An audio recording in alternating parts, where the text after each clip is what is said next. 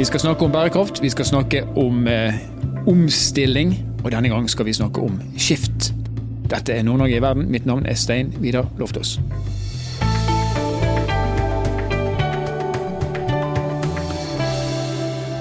Bjørn Kjæran Haugland han er administrerende direktør i Skift. Næringslivets klimaledere. Og dette her er et initiativ som samler norsk næringslivs fremste pådrivere for utslippskutt. Og Nå er han med oss her i Nord-Norge i verden, og hjertelig velkommen til oss, Bjørn. Tusen takk. Veldig kjekt å, å, være her med dere i dag. Du, Vi skal starte med å snakke om hva skift egentlig er. Kan ikke du dra oss igjennom hva skift er? Ja, altså Skift er jo litt det du sa. Sant? at Det er jo et krafttak av norsk næringsliv for norsk næringsliv. Og det er denne pådriverrollen. Vi kommer sammen fordi at vi tror det ligger konkurransekraft i grønn omstilling. Og i forhold til det så tenker vi at da må vi lære fra hverandre. Da må vi inspirere hverandre. Da må vi pushe hverandre litt. Men verden skal til netto null. Europa har en stor ambisjon. Norge har store planer, men ligger litt bak liksom å, å realisere det ennå. Og da har næringslivet en viktig rolle i å være denne pådriveren, og det er det Skift handler om. Og hvem er det som, eh, Du sier vi eh, om dere som er i Skift. Hvem er det, Kan du gi et sånt lite tverrsnitt av hvem det er som er med? Ja, det gjør jeg gjerne. Og det viktigste er jo det at det gjøres jo i dag veldig mye godt arbeid i bransjeforeninger. Så Skift er et bransjefellesskap. Mm. Så det er et fellesskap av pådrivere fra ulike bransjer som kommer sammen. Så her har vi en del sparebanker med. Vi har eh, andre in industriselskaper. Vi har eh, store og små. Vi har Snøhetter som er innenfor arkitektur. Så uten å nevne alle, så vil jeg bare si at eh, vi kommer fra ulike bransjer. Og det som er på en måte gjennomsyrer de selskapene som er, det er det at de har en uh, toppledelse, de har en strategi, de har en organisasjon som er nysgjerrig på grønn omstilling. Mm. Og det er den nysgjerrigheten de tar med seg inn i, i Skift, for da å lære fra andre, dele det de gjør, komme sammen i mindre grupper for å drive frem kan du si, omstilling innenfor de områdene de er interessert i. Og dere har plass til flere, bare så vi tar reklamen med en gang. ja da. Mm. Nå er vi heldigvis sånn at vi har folk som banker på døren og vil, vil være med. Og vi har i utgangspunktet plass til flere. Det viktigste er at vi, vi, vil ikke ha med noen som bare vil ha skift på hjemmesiden deres og vise at de er med. Vi vil ha med de som virkelig er innstilt på å samarbeide om dette her og ta del i arbeidet. Men eh, absolutt plass til flere. Du, du nevner det, Norge skal mot netto null. Vi skal via har 2030-målene våre først, og du har eh, nå en gjeng med deg som ønsker å dra i lag eh, på dette. Men hvordan rolle kan dere spille for å få i gang ordentlige kutt innenfor utslippene? Ja, Det viktigste vi kan gjøre, det er jo å kutte utslipp i våre virksomheter og i våre verdikjeder. Og det er veldig viktig for Skift at vi sier det at vi starter alltid først med oss selv. For det er så lett å si at hvis bare politikerne gjør det og det, så kunne vi ha gjort sånn og sånn. Så det viktigste åpningsperspektivet hos oss for alt vi gjør og for alle dialoger, det er det å si at ok, rammebetingelsene er slik de er hvordan kan vi jobbe med utslippskutt innenfor disse rammene. Mm. Sånn at Det er det aller viktigste. og Derfor så har vi også en, en, klimarapport som hele tiden følger alle selskapene som er med i Skift, sånn at vi er helt åpne om egne utslipp, og vi kan være helt transparente på det vi gjør selv. Mm. Det er viktig. Og Da er ikke det bare det vi gjør liksom som egne virksomheter, men det er også hvordan vi kan påvirke leverandørene våre, og hvordan vi kan jobbe for å påvirke kundene våre, sånn at dette går begge veier i verdikjeden. Nummer to det er det at vi jobber selvsagt mot myndighetene. Vi er en ensaksparti. Det er grønn omstilling som er vårt program. Men der ønsker vi å hjelpe myndighetene. Sant? Peke på løsninger, peke på god regulering. Og ikke minst gi de ryggstøtte og si det at dette ønsker næringslivet. Mm når en sånn melding kommer fra et bransjefellesskap, så sier politikerne at det er lettere å lage politikk på ryggen av det, enn når det kommer fra en enkeltbransje. på en måte. Mm. Så, så, dette å komme sammen på tvers av næringer er veldig viktig, for da kan vi påvirke rammebetingelsene også. Ja. Men hvis du da snur deg og ser på de årene dere har drevet på med dette her nå, altså de kuttene som deres medlemsbedrifter har fått til på den tiden, og den politikken som har blitt endra som en konsekvens av det presset kan man kanskje si dere har, har øvd på myndighetene, hvordan er resultatene, sånn som du vurderer det? Jeg er jo en optimistisk mann fra Bergen, så jeg, jeg, jeg vurderer jo resultatene egentlig som veldig gode. Først og fremst vil jeg si resultatene jeg ser i kall det gjerne det som jeg kaller egne virksomheter, altså våre medlemmer. Der jeg ser at interessen, engasjementet, har økt dramatisk. da. Så folk blir inspirert av å se hva andre gjør. Og i Skift så er det jo sånn at du vet hvordan næringslivets ledere er. De har litt sånn konkurranseinstinkt i seg òg. Så vi samler jo alle topplederne to ganger i året, og da merker jeg mer og mer at når de kommer der, så har de lyst til å fortelle om hva de har gjort. Og det blir litt sånn konkurranse i nettverket om å gjøre mest. Ja. Men jeg ser jo også at for eksempel, nå fikk vi jo et statsbudsjett, og for første gangen i historien så fikk vi eh, sammen med statsbudsjettet som er gult, så fikk vi den såkalte grønne boken, altså et klimabudsjett. Mm. Og Det har jo vært en av våre fanesaker, at vi, vi sier vi må telle utslipp som vi teller penger. Mm. Det må vi gjøre på nasjonalt nivå, det må vi gjøre på bynivå, det må vi gjøre på bedriftsnivå, det må vi gjøre på prosjektnivå.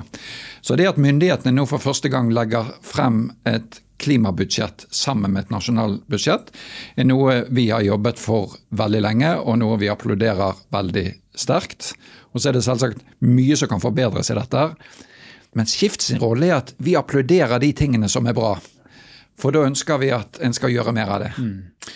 Positiv forsterkning er ofte ja. enklere enn en negativ korrigering. Det er et, et, godt perspektiv. Men dere har jo da en, en veldig sånn holistisk tilnærming, sånn som jeg klarer å tolke det. Hvis du ser på det norske, altså industrien eller bedriftene i Norge under ett, ikke bare på Skift sine medlemmer. Hvordan står det egentlig til på denne ferden mot omstillingen som vi har vært, vært i en stund?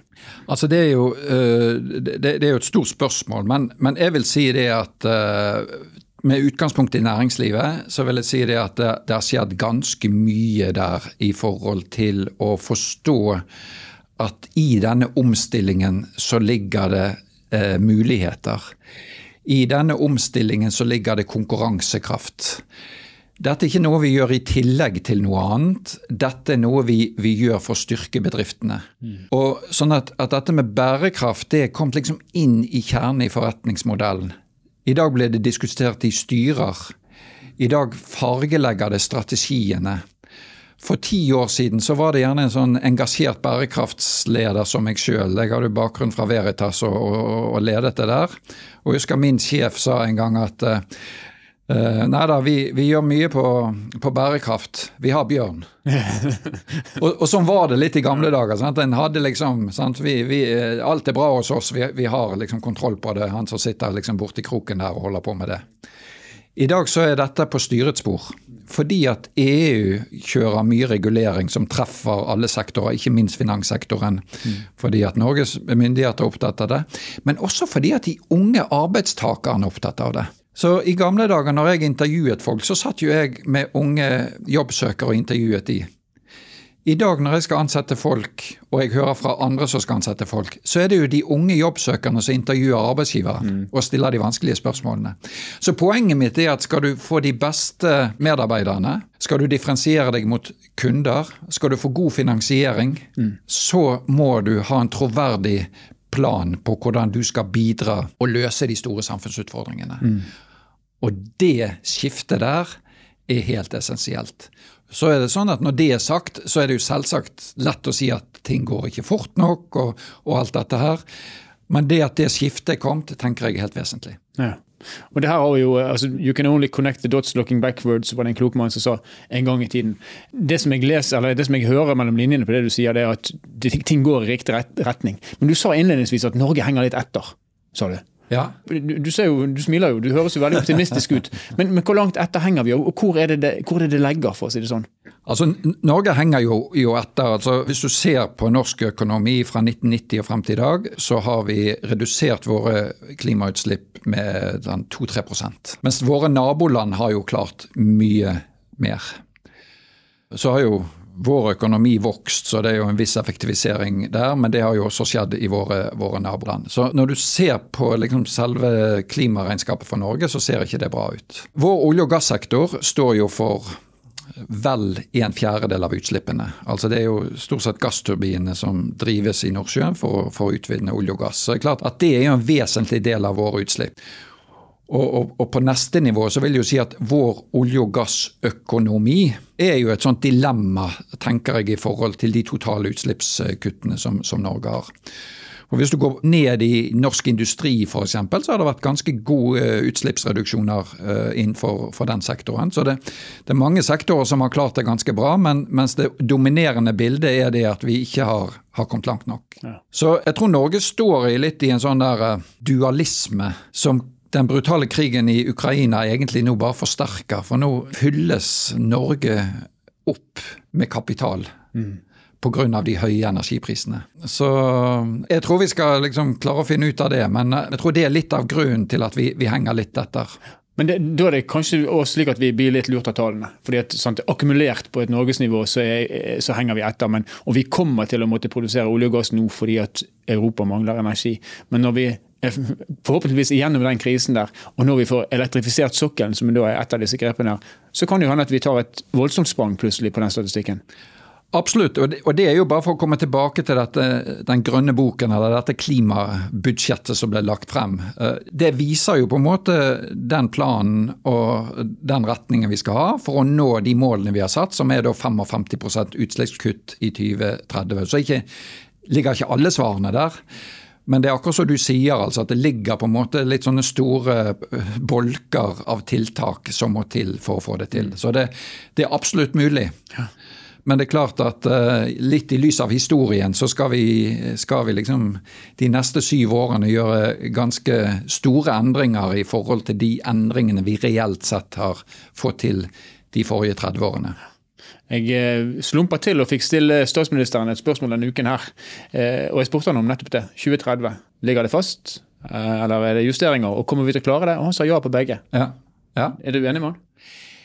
Ja, altså jeg er enig med han, så, og, jeg jobber sammen med han på det. Og jeg jobber sammen med alle norske politikere, helt uavhengig av eh, partipolitisk farge, på det. Men da må vi liksom uh, hele tiden bygge politikk som drar i denne retningen. Og det er, det, det er helt avgjørende. Så får vi se da, når 2030 kommer. Tilbake til eh, det vi var innom litt i sted, nemlig dette her med selskapenes eh, ja, konkurransekraft, kan man kanskje si.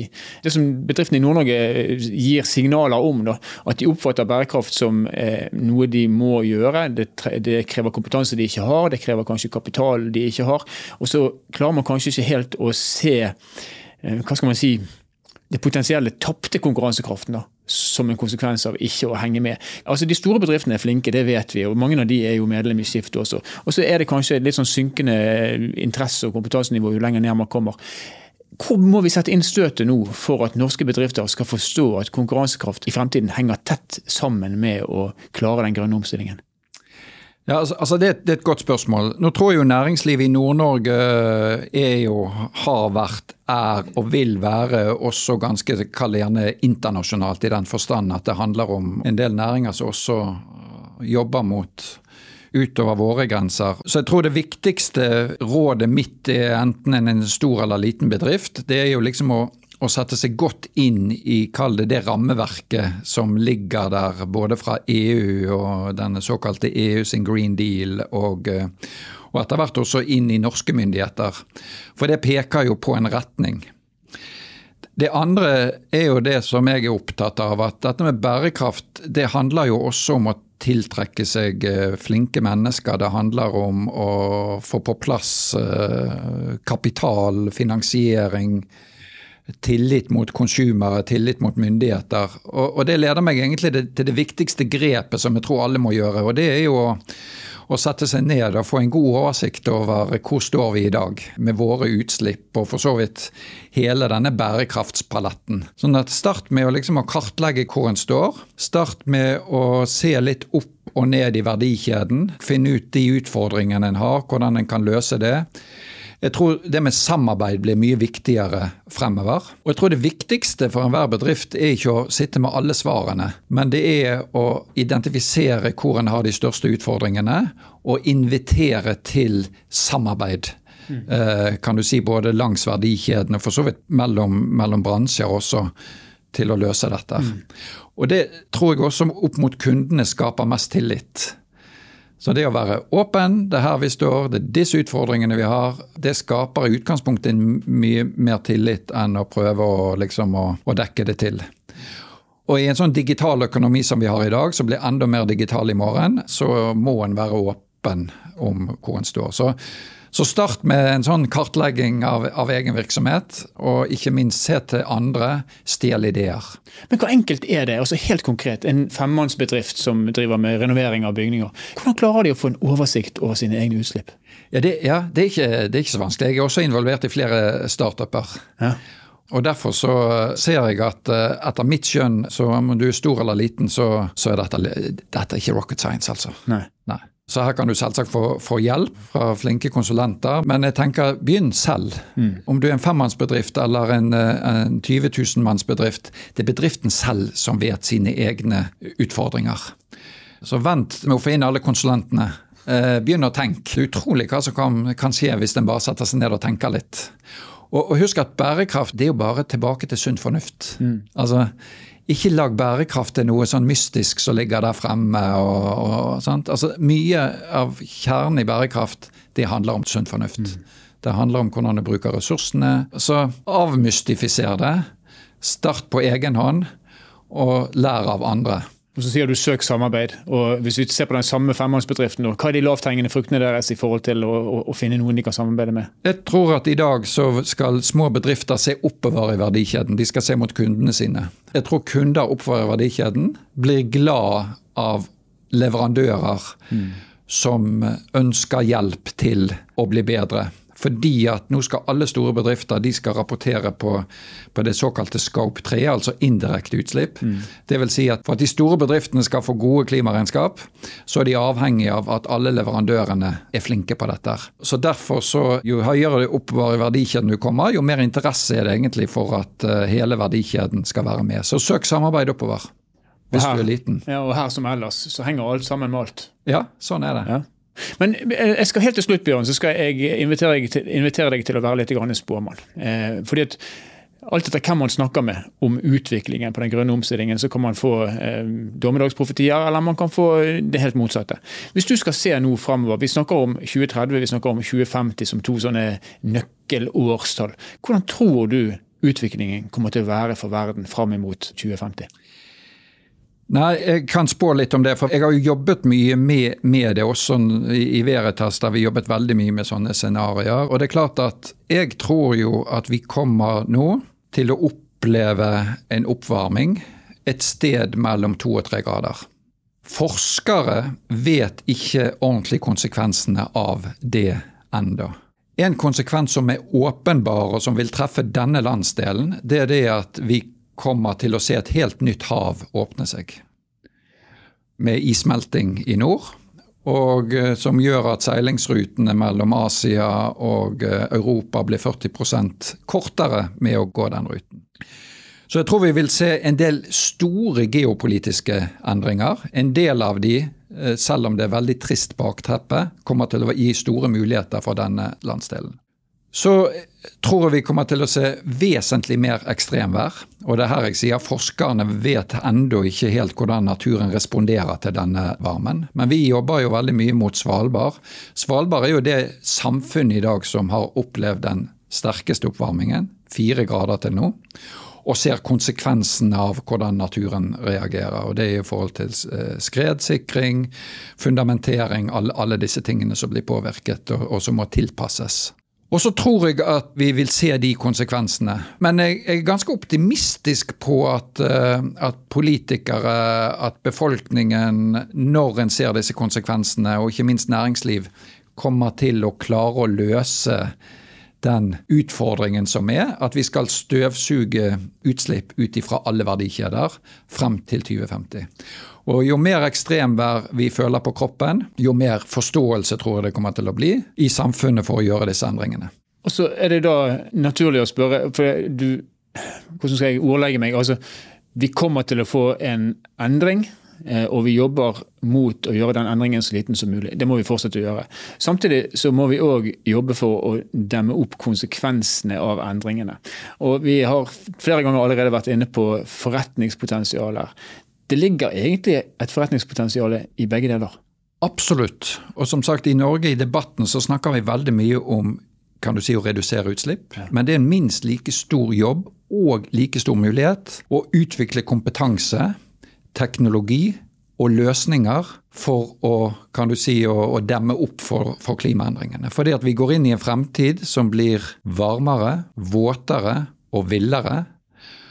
Og i og med at vi ligger så langt nord, i Norge, og i og med at denne landsdelen ligger på toppen av Norge, eh, så vil, vil en her eh, kan du si, få disse erfaringene først. Så det å si at det vil også på en måte ha eh, næringsmuligheter i seg, fordi at resten av verden vil få det samme som oss om 10, 15, 20, 30 år. Mm. Og sånn i det helt store bildet, verden fremover, er du betinga optimist, eller er det, hva er det jeg hører imellom linjene og, og smilet ditt? Nei, jeg har jo, som du vet, så har jeg bodd mange år i, i, ulike land. Jeg har bodd fem år i Kina, jeg har bodd tre år i, i Sør-Korea, jeg har reist mye i Russland, jeg har vært rundt omkring. Og jeg tror jo at uh, og ser vi historien, så ser vi at verden har klart seg gjennom store kriser før. Jeg tror det er mer som forener oss mennesker uh, enn som på en måte skiller oss. Så jeg tror at vi som menneskehet kommer til å finne ut av ting. Mm. Det betyr ikke at liksom, vi klarer å, å, ta vekk alle konflikter og alt sånt. Men jeg tror på at det er de gode kreftene som forener oss. Og, og disse 17 bærekraftsmålene som tross alt 193 land har på en måte signert opp bak, som handler om å ta ut fattigdom, ta ut sult, gi gode utdanningstilbud, helse, likestilling. Alt dette er, er like viktig. Mm. Så selv om jeg fokuserer veldig mye på klima, så er det fordi at klarer vi ikke å å løse klimautfordringer, så blir det ofte en stor barriere for å, å nå alle de andre målene. Og vice versa. Ja. Mm. Men, men, jeg tror på det gode. Jeg tror det er mer som forener oss enn det som, som, skiller oss. Og så tror jeg at Norge, med vårt tillitsbaserte samfunn, med all den kompetansen og kunnskapen og ressursene vi har, har en mulighet til å gi et godt bidrag både til vår egen samfunnsutvikling, men ikke minst til Europa, til gjenoppbygging av Ukraina og til hjelp av de landene som tross alt merker mest til klimakonsekvensene. Menneskeheten kommer til å klare seg, men la ikke det være en hodepute for å fortsette å jobbe med å holde utslippene nede og bli kvitt dem. Og, og bergensere ser jo sant, de kommer fortsatt til å, å uttale seg både i Nord-Norge og andre steder i verden. Da til stor forargelse også for mange. Tusen takk for at du kunne være med oss, Bjørn Kjerran Haugland, som er administrerende direktør i Skift. Tusen takk for invitasjonen.